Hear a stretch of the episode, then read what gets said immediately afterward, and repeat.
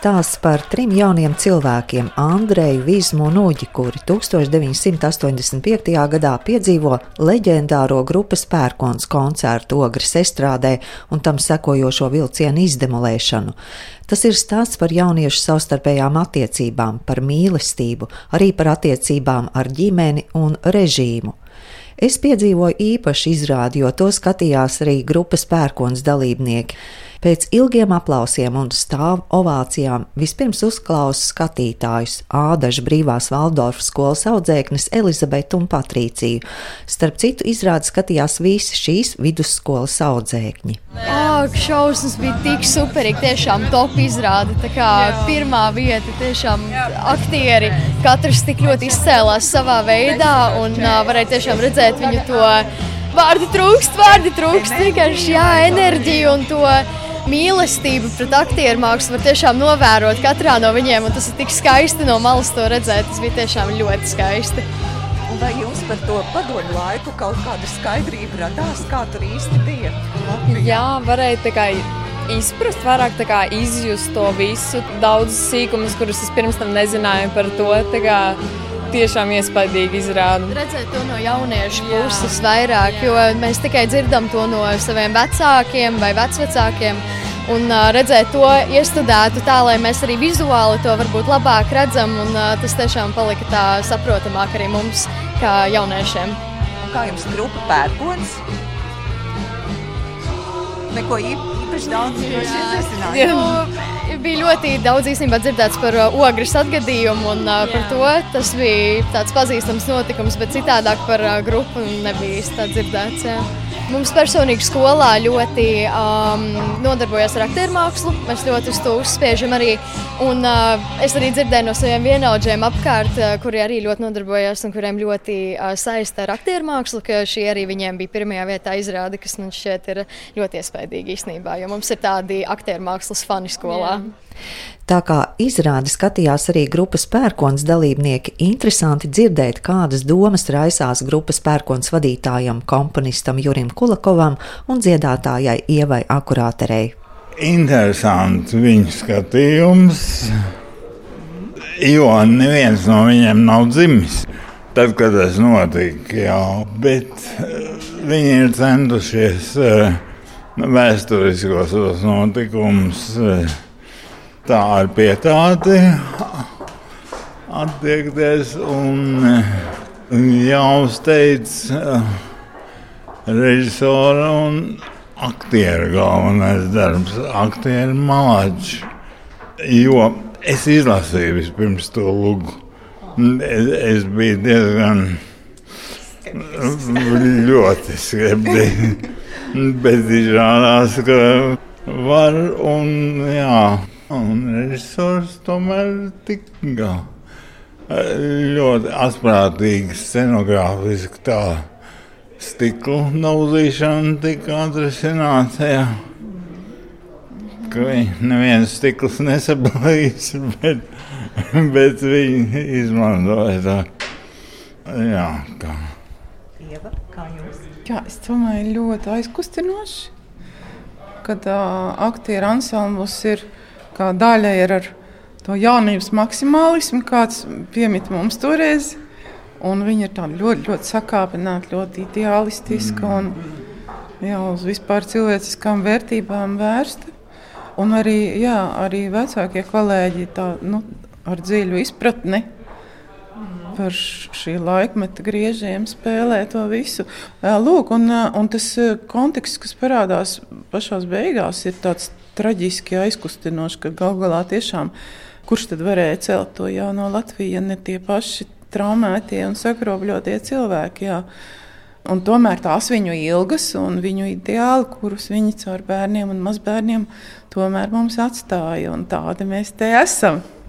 Un dzīvojam un ceram un cīnāmies. Un paldies liels teātrim, ka tādu Galu galā vēsturiski pamācošu lūgu ir uzveduši, kas ir jauniešiem tiešām kā tāds konspekts, izziņas konspekts par tiem trakajiem padomju laikiem, kas tie tādi īstenībā bija. Mēs ar vecumam dzīvojam vienā istabā, komunālā dzīvoklī kopā ar vēl vairākām ģimenēm.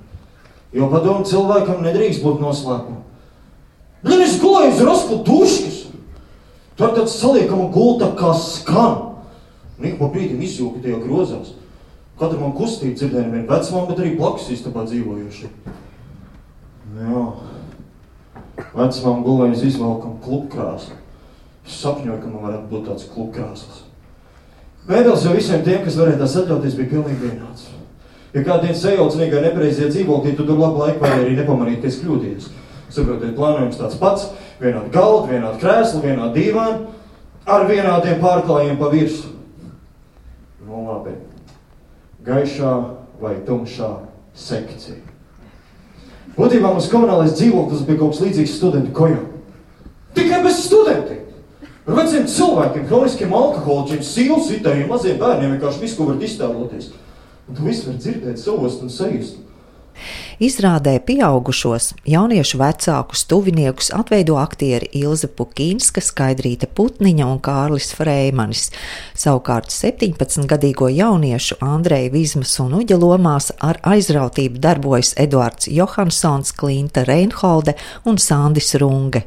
Jā, jo principā visi, visi jau mūs izrāda, visa enerģētika ir liela daļa tieši no mūzikas. Un, Es tieši gribēju jautāt, kā jūs uh, iegūstat to enerģiju, ka jūs to jau dodat pašā izrādes sākumā. Tas, tas, tas laikam arī ir pērkons. tas laikam ir pērkons un pērkona mūzika. Mēs klausāmies visu laiku procesā, veidojot. Tas ir ļoti arī skaisti, ka tu veido izrādi un tu vari klausīties tiešām labu mūziku, noskaņoties uz to. Viņa arī tas ir, laikam, arī ir tas, kas uzlādē. Protams, arī tā tēma. Un tas patriotisms un viss tas latviskums, kas iet cauri. Laikam. Un otra lieta, šī ir izrāde, liekas, kur tu nevari taupīt vispār enerģiju. Un, nu, tev palielam nav apakaļceļa. Tev ir, uh, ir tā pērkona mūzika, kurai tev kaut kā aktieriski arī ir uh, vismaz jāmēģina tikt līdzi. Jūs varbūt arī varat ļoti labi saprast, kas notika tajā ogres vilcienā, braucot māju. Nu, mēs, mēs to nevaram saprast, bet mēs to varam ļoti labi iztēloties. Gan veidojot šo izrādi, nu, mācoties un rādot visu, arī kādi bija tie laiki un kā tas ietekmēja jauniešus un, un kā tā mūzika tai visai sistēmai pāri sajauca jauniešiem prātus tādā revolūcijas līmenī.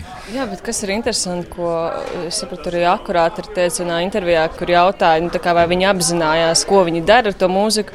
Un viņi atbildēja, nē, mums vienkārši patika dziedāt un uzstāties, un mēs vienkārši mums patika mūzika. Tas ir tas, ko mēs darījām. Tas nebija speciāli, lai tagad kurinātu, lai viņi jau nezināja arī, ka tāds notiks. Līdz ar to, ka tas nav speciāli, bet vienkārši kaut kā tā mūzika viņa ļoti ietekmēja.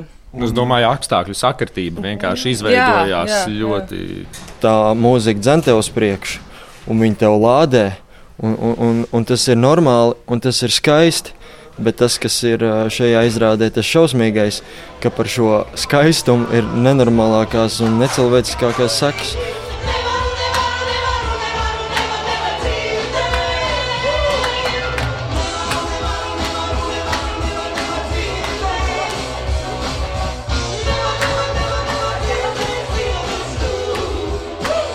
Jūs daudz pastāstāt no skatuves par 80. gadu, nu, to slikto pusi. Es domāju, kas tik tur nav bijis slikts. Bet kas ir bijis tas uh, gaišais, labais tajā laikā? Vai jums arī rodas pēc šī darba kādas aplausmas? Nē, nu, skaistais bija tas, un, piemēram, man patīk, man teica, pateica, ka, ko arī, man liekas, mēs pieminam izrādē, varbūt visu, ko viņi gribēja darīt un ko viņi darīja jaunieši. Viņi vienkārši gribēja atpūsties un, un labi dzīvot un, un klausīties mūziku. Un, uh, Viņi tā kā baudīja dzīvi un tikai tad pamazām sāka saprast, uh, kādā sistēmā viņi dzīvo un cik ļoti tā sistēma ierobežo viņus. Un tad varbūt sākās tā izlaušanās. Un uh, runājot par skaisto, nu, skaidrs, ka tie ir mūsu vecāki. Man liekas, skaistais ir tas, ka šis laiks ir spēja viņus saliedēt tik stipri, ka viņi spēja to režīmu uzvarēt. Es domāju, tas ir skaisti. Viesizrādes Rīgā Dailas teātrī tika spēlētas divas reizes dienā. Pēc dienas izrādes, ko skatījās tikai skolu jaunieši, režisors Jānis Znotiņš dalās savā vērojumā. Tā izrāda ir diviem veidiem cilvēki. Tie, kas atcerās, un tie, kas grib kaut ko uzzināt. Un tie, kas kaut ko grib uzzināt, viņi to visu, protams, tiešām skatās uz kaut kādu trāko māju vai absurdu un, un visu pārējo. Bet tur ir tā tieši tā jauniešu līnija, kas viņiem ir. Arī tik labi aizgāja gan, gan lieliem, gan skolēniem. Un aktieriem tikai ir jāpierod, jo viņi reaģē citās vietās, vai pat citos vārdos, kaut kādu vārdu vēlāk noreaģē atsevišķās vietās, un uz kaut ko citu noreaģē. Nu, tur ir tāda smalka lieta, ka ir jāsaprot tas skatītājs. Tas impulss bija stāstīt to situāciju un stāstu, kas bija ar pērkona koncertu ogrē toreiz, vai tas ir tikai viens no atzariem? Tā ideja jau vairāk kā pirms gada radās. Tā ideja bija, ka vienkārši par padomju savienību vajag izstāstīt. Tas bija tas mērķis. Un tad uh, kādu laiku meklējām, no sākuma meklējām grāmatu, nu, vai kaut kādu stāstu, dzēju, vienalga, nu, kas stāstītu par jauniešu dzīvi padomju laikos. Neko neatradām. Jeb, jebko, ko atradām, tas viss bija tomēr tāds ar tādu padomju savienības uh, uzslāņojumu. Tad tur ir jāvelk ārā. Tad mēs tieši gribējām stāstīt par dzīvi jauniešiem padomju laikos. Sapratām, ka darba nav. Meklējām kaut kādu notikumu, tad uzdūrāmies. Pēc tam atcerējos, nu ir jau tā jātaisa. Bez dokumentālās filmas, vai viegli būt jaunam. Skatījos to filmu, tā filma tomēr arī sapratām, ka tur īsti neizvēršas tas stāsts. Bet tad mēs uzdūrāmies, protams, pie tā notikuma, kas tā izraisīja to filmu, tas uh, koncerts. Nu, ļoti spilgts notikums, nu, kas var būt labāks par to. Ja izrāda sākumā ir ļoti spilgts notikums, ka jaunieši vienkārši izklaidējās, dejo. Un, uh, viņus par to soda. Nu, viņiem par to tiesa.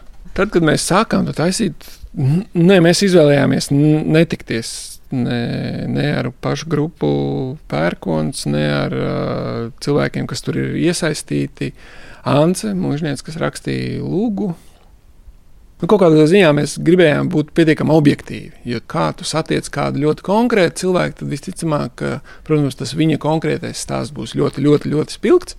Tu varētu būt kaut kādā brīdī kļūt neobjektīvs. Nu, mēs tomēr gribējām objektīvu notikumu attainojumu.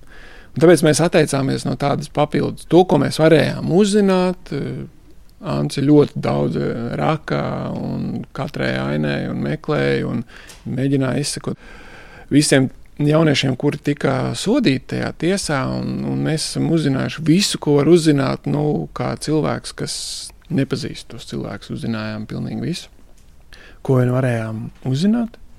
Nu, mēs tomēr esam mākslinieki. Mēs jau tas, tas darbs, kas uz skatuves, jau ir mūsu darbs. Tās paldies Pērkonam, paldies kaut kādā ziņā tiem cilvēkiem, kas mūs iedvesmo, lai radītu tos darbus. Un, uh, mēs, jā, pēc tam, protams, mēs labprāt pārunājam, jo tad ir tāds ļoti konkrēts mūsu skatījums.